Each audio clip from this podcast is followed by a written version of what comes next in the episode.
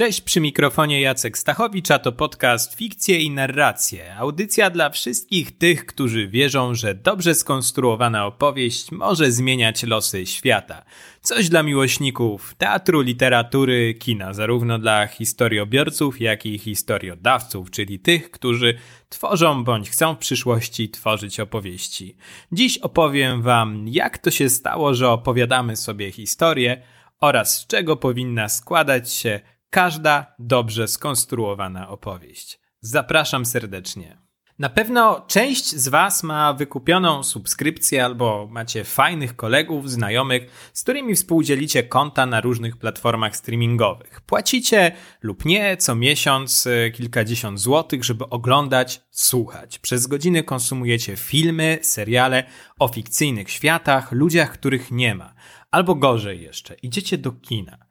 Zamykacie się w ciemnej sali z innymi ludźmi, dławi was zapach popcornu, a na wielkim ekranie wielka nieprawda przez dwie godziny. Czasem lepsza, czasem gorsza. Zapłacić trzeba tak czy owak. Co gorsze, idziecie do księgarni albo kupujecie audiobooka, może też e, e-booka i poświęcacie kilkanaście, czasem kilkadziesiąt godzin, by poczytać, posłuchać o tym, czego nie ma. Najgorsze jednak, co może wam się stać, to pójście do teatru. Ty i twój partner, partnerka to od jakichś 100 do 300 zł plus kolacja. Jacyś ludzie w świetle, w kurzu coś wam mówią, czasem mają majtki, czasem nie, ale to temat na oddzielny podcast. Mimo to jednak wracacie, korzystacie, słuchacie ciekawych opowieści i słono za nie płacicie. Dlaczego tak jest, że w świecie, w którym rządzi produktywność, liczby, harmonogramy, jedni ludzie zajmują się wciąż wymyślaniem historii, a drudzy ich słuchają. Zanim odpowiem Wam na te pytania, sam chciałbym podzielić się z Wami pewną historią. Otóż, gdy wpadłem na pomysł tworzenia podcastu, zadałem sobie pytanie, skąd u mnie takie zainteresowanie fikcyjnymi światami, co spowodowało, że dziś mówię do Was. Zapewne częściowo prawdą byłoby to, że na pewnym etapie życia spotkałem ludzi o podobnych zainteresowaniach i z nimi zacząłem współdzielić pasję. Gdy jednak pomyślałem o tym dłużej, zdałem sobie sprawę, że wiąże się to z pewną opowieścią. Gdy byłem jeszcze małym berbeciem, takim pięcio, może sześcioletnim, miałem swoją ulubioną książkę. Królestwo Zielonej Polany. Dostałem ją od mamy chrzestnej na urodziny, a czytała mi ją mama do poduszki. To taka Proekologiczna opowieść o młodym chłopaku, chuliganie, łobuzie, łapserdaku można by powiedzieć, który niszczy przyrodę. Za karę zostaje zmniejszony do rozmiaru mrówki i poznaje polany od środka. Przechodzi przemianę i z chuligana staje się miłośnikiem pająków, pajęczyn, mrówek, mrowisk itd. Tak lubiłem tę opowieść, że mama przeczytała mi ją co najmniej 50 razy. Zdarzało się tak, że gdy kończyła czytać, prosiłem ją, aby zaczynała od początku. Przeczytała chociaż kilka stron. Wierzcie mi lub nie, bez Królestwa Zielonej Polany nie mogłem zasnąć. Gdy przyszły wakacje, pojechaliśmy nad morze, do Świnoujścia. To były jeszcze te czasy, w których nocą podróżowało się kuszetkami, takimi wagonami e, sypialnianymi. To mówię do młodszych pokoleń, bo być może tego nie znają. Zresztą część ludzi dalej woli przespać drogę i wybiera taką formę, co dla mnie już chyba zrozumieć jest dosyć trudno. Oczywiście, jak się domyślacie, Królestwo Zielonej Polany jechało z nami. I mama mi je czytała, zanim poszedłem spać. Pociąg się zatrzymał, Świnoujście. W końcu. Dojechaliśmy cali, bezpieczni i zdrowi. Zatrzymaliśmy się w takim wspaniałym hotelu o nazwie Dom Marynarza. No i tam, słuchajcie, tragedia, dramat. Przeszukaliśmy wszystkie walizki, wszystkie torby, a książki nie ma. Słuchajcie, ja nie wiem, jak to opisać, co się wtedy działo. To był po prostu ryk. Sprawa była tak doniosła, że jak moja mama zadzwoniła do swojej mamy, to zamiast rozmawiać o tym, e, o czym w takich chyba sytuacjach zwykle się mówi, jak podróż, jak pogoda, jak hotel, to było o książce. Babcia zdaje się doradziła, żeby no, tej książki jednak gdzieś e, poszukać w sklepie w Świnoujściu, ale mama no, miała w końcu absolutnie do tego prawo, chciała iść na plażę, zażywać słońca. Po dziś dzień tak marzy ciągle i tego słońca mało i ciągle ciągnie na plażę, gdy jest nad morzem, zamiast, wiecie, oglądać telewizję w pokoju, co jest przecież znacznie przyjemniejsze. No ale nie miała wyboru. Dziecko płakało, poszliśmy więc do pani recepcjonistki zapytać o księgarnię. E, no i słuchajcie, pamiętam to e, do, do, do, do dziś tę panią, e, tą panią. A co to, w stolicy ich nie ma, to aż tu trzeba jeździć? Nie wiem, czy dokładnie coś takiego powiedziała, ale, ale, ale pamiętam, że jakoś tak bardzo, bardzo nieprzyjemnie do nas, do nas odpowiedziała. No i mimo wszystko gdzieś tam nam wskazała jakiś kierunek, w którym powinniśmy podążać, no i ruszyliśmy w podróż po świnoujskich księgarniach. Zamiast urlopu były wycieczki po sklepach z książkami w obcym mieście w 40 stopni w słońcu.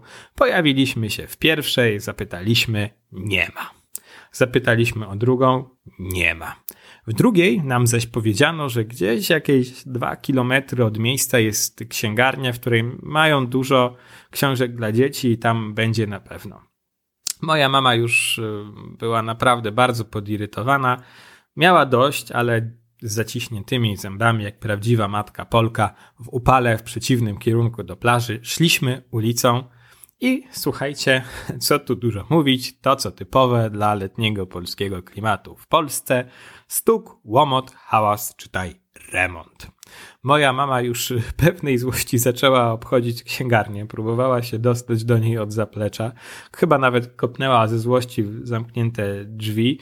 Ja zacząłem płakać, po chwili przestałem, nie odzywaliśmy się do siebie dłuższy czas. No i w końcu jakaś starsza pani podeszła i zapytała, co się stało. Mama opowiedziała wszystko, a ta miła pani wskazała palcem bibliotekę za rogiem.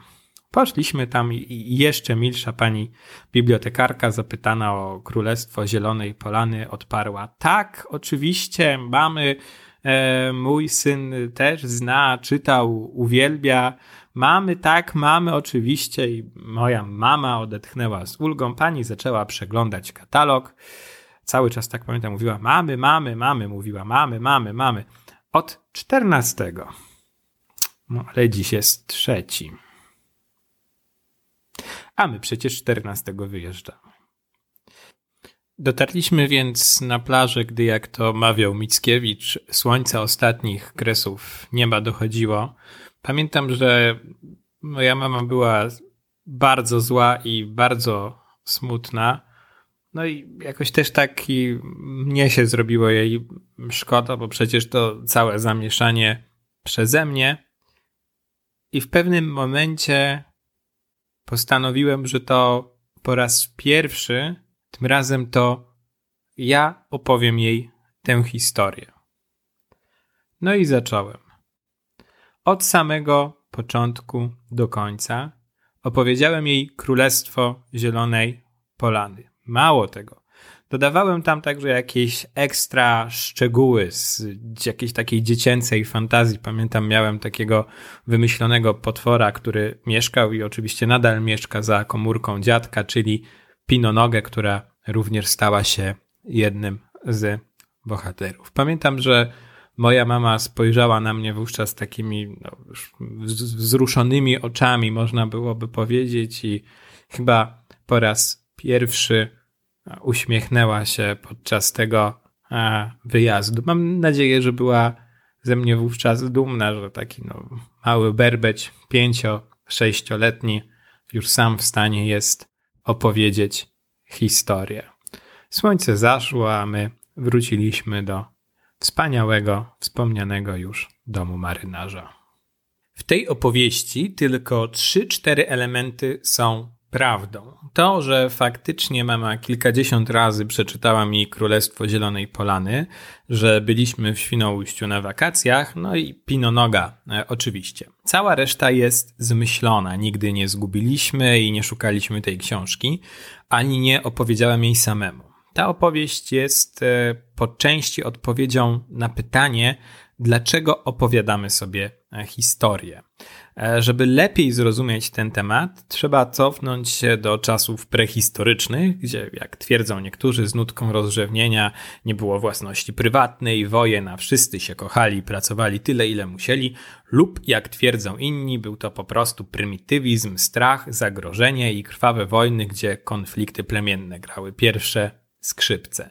Ważne jest to, że kilkadziesiąt tysięcy lat temu Homo sapiens w takich okolicznościach wykształcił umiejętność mowy artykułowanej, ale co ważniejsze, nauczył się operować językiem fikcji. To zjawisko nosi nazwę rewolucji poznawczej. Żadne inne stworzenie na Ziemi nie opanowały tej umiejętności. To właśnie od tamtej pory niektóre drzewa stawały się święte, a zjawiska przyrodnicze pochodziły od bogów, zaczęto wierzyć w duchy, niewidzialne istoty, stworzenia, życie pozagrobowe. Co ważne, w te opowieści wierzyły całe zbiorowości.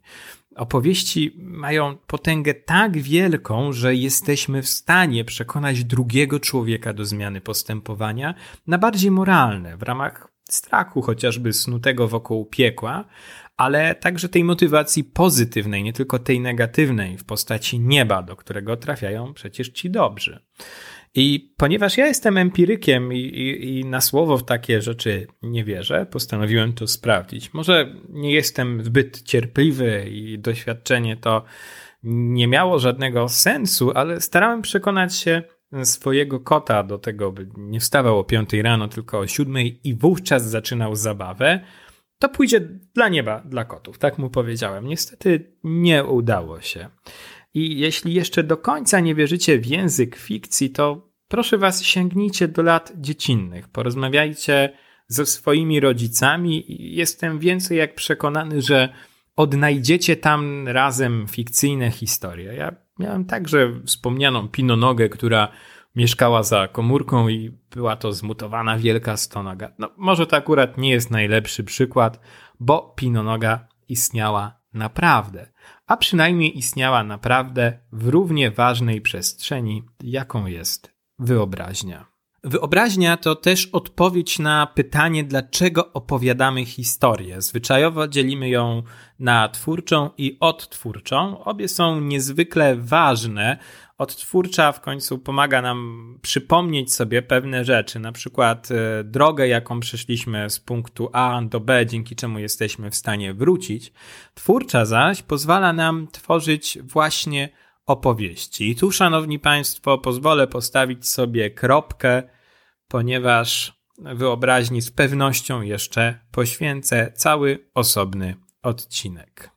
No dobra, opowiadamy, ale dlaczego ich słuchamy? Dlaczego te filmy, płatne subskrypcje, e-booki, audiobooki i tak dalej? Odpowiedź na to pytanie jest pozornie dosyć prosta, ale nie udzielajmy jej od razu.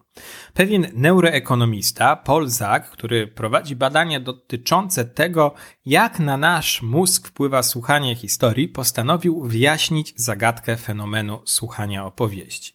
Dodam na marginesie, że ma on przewspaniały kanał na YouTube, Future of Storytelling, na który wejdźcie i zobaczcie, co tam się dzieje, bo jest to po prostu niesamowite.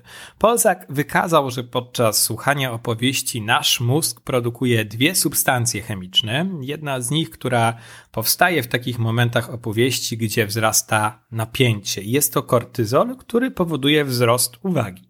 Druga substancja to oksytocyna, która ma znaczenie dla poczucia zaufania oraz troski. Oksytocyna jest zwana także hormonem miłości i szczęścia. Z kolei jeszcze inne badania mówią, że gdy w opowieści mamy szczęśliwe zakończenie, to aktywuje się układ limbiczny. To ten odpowiedzialny za nagrodę, zwycięstwo i następuje wówczas wzrost dopaminy, która z kolei wzbudza poczucie optymizmu i nadziei. Wniosków płynących z tych badań jest bardzo wiele. Po pierwsze, słuchanie opowieści sprawia, że zachodzi, zachodzą w nas procesy chemiczne, które wpływają na zmianę naszych zachowań. Co tu dużo mówić? Dobrze opowiedziana historia to także sprzedany produkt, projekt, czy my sami. Storytelling nie bójmy się tego powiedzieć, to także potężne narzędzie perswazyjne, sprzedażowe, e, mające wpływ na ludzi i to, jak wydadzą swoje pieniądze. I stawiam tu kropkę, bo o tym na pewno jeszcze nie raz w fikcjach i narracjach usłyszycie. Ja pozwolę sobie streścić ich pracę do jednego zdania. Słuchanie historii wzbudza w nas emocje i sprawia nam przyjemność, i dlatego to właśnie robimy, robiliśmy i robić będziemy. Obiecałem, że odpowiem Wam też na pytanie, z czego powinna składać się opowieść. Otóż odpowiedź na to pytanie z pewnością znacie ze szkoły. To jest z początku, rozwinięcia i zakończenia. Można to powiedzieć również tak. Opowieść składa się z pierwszego, drugiego i trzeciego aktu. Będzie to znaczyło dokładnie to samo. Pytanie tylko w jakiej proporcji. Najłatwiej to wytłumaczyć na filmie. Jeśli ma 120 minut, teraz oczywiście filmy są raczej krótsze ze względu na naszą percepcję, ale załóżmy, że mamy film, który ma 120 minut, to pierwszy akt będzie trwał około 30 minut, drugi około 60 minut i ostatni, podobnie jak pierwszy, również 30 minut.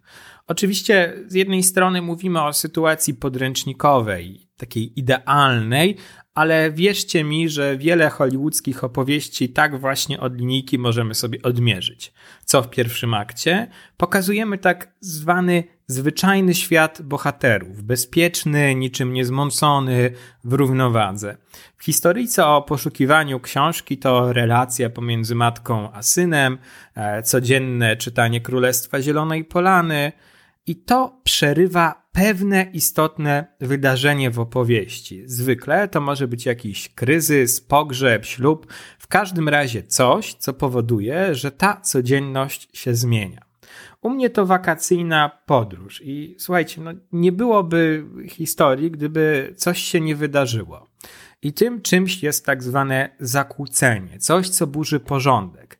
Gdyby opowieść o poszukiwaniu książki była filmem, pewnie na ekranie zobaczylibyśmy pozostawioną nieumyślnie przez matkę książkę na wolnym łóżku w przedziale w pociągu, czego żaden bohater nie jest świadomy. Na tym etapie warto zaznaczyć już antagonistę. W mojej opowieści uosabia ją postać recepcjonistki. W obrazku filmowym pewnie by to była jakaś stara kobieta o żółtych zębach, zniszczonej od papierosów cerze, e, będąca symbolem niechętnej obcym e, społeczności nadmorskiego miasteczka. Oczywiście dla jasności to fikcja, w Świnoujściu wszyscy byli dla nas mili, pozdrawiam serdecznie Świnoujście. To zakłócenie prowadzi nas do pierwszego punktu zwrotnego, który z kolei to przeniesie bohaterów do zupełnie nowej rzeczywistości. Padnie wówczas tak zwane pytanie dramaturgiczne, na które poznamy odpowiedź w dalszej części opowiadania. Jakby to było w mojej opowiastce, matka z synem odkrywają, że książka zaginęła. Jest płacz dziecka, tu w międzyczasie u widza aktywuje się kortyzol i oksytocyna, natomiast nasi bohaterowie po wątpliwościach postanawiają ruszyć w podróż po mieście, w upał, w poszukiwaniu książki. Ich wrogiem staje się nieznane im mroczne Świnoujście. Pytanie, jakie wówczas pada, to czy uda im się odnaleźć Królestwo Zielonej Polany? To pytanie to oczywiście tylko pretekst do tego, żeby opowiedzieć o czymś więcej. Na tym etapie jednak widz w napięciu kibicuje bohaterom, by udało odnaleźć im się książkę. By dziecko przestało płakać, a strudzona pracą kobieta znalazła wreszcie wytchnienie na plaży. Po pierwszym punkcie zwrotnym zaczyna się rozwinięcie, czyli drugi akt. To, co tygrysy lubią najbardziej. Tu jest akcja, tu są zwroty akcji, komplikacje, pościgi. W samym środku zaś drugiego aktu jest tak zwany midpoint. Bohater wówczas łamie swój kodeks moralny, robi coś, czego nigdy wcześniej w życiu by nie zrobił, by osiągnąć cel. Powoduje to też, że nie ma odwrotu. W mojej historyjce nad midpointem trzeba by trochę popracować. Matka po prawdzie próbuje się włamać do zamkniętej księgarni, to dosyć wiarygodne, ale to za mało, by widz miał poczucie, że już naprawdę nie ma odwrotu. Co by tu można zrobić? Może gdyby faktycznie wybiła szybę i naraziła się pracującym robotnikom, po czym wraz z synem uciekaliby przed nimi, aż natrafili na bibliotekę, to może wówczas to wzbudziłoby w widzu poczucie, że no już naprawdę muszą odnaleźć tę książkę. Nie ma odwrotu. Kolejno, co dzieje się w drugim akcie, to to, że bohaterom prawie udaje się osiągnąć swój cel. Tutaj to scena z bibliotekarką. Już prawie dotarli, już witali się z gąską i tak jak w życiu, gdy prawie już osiągnęliśmy cel i odebrano nam go, wpadamy w dół.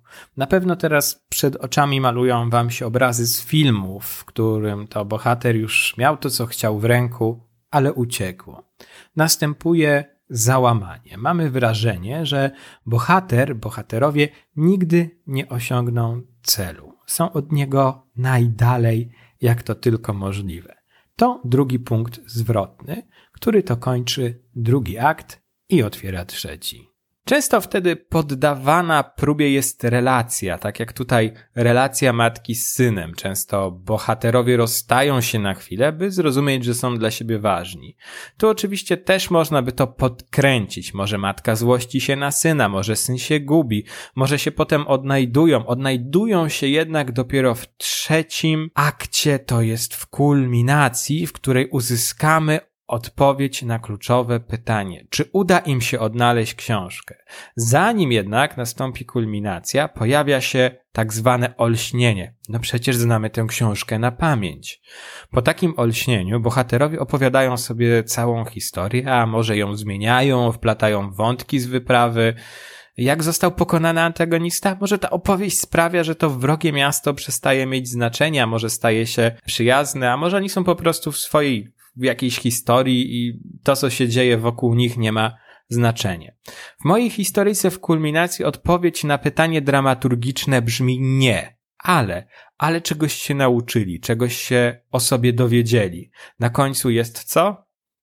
Masło maślane? Zakończenie, rozwiązanie akcji. Dzieje się wtedy katarsis, oczyszczenie z uczuć. Matka z synem siedzą na plaży, nie wiem, jedzą lody, uśmiechają się, a może jest jakiś jeszcze żartobliwy twist, może okazuje się, że matka też coś zostawiła w pociągu. Kto wie.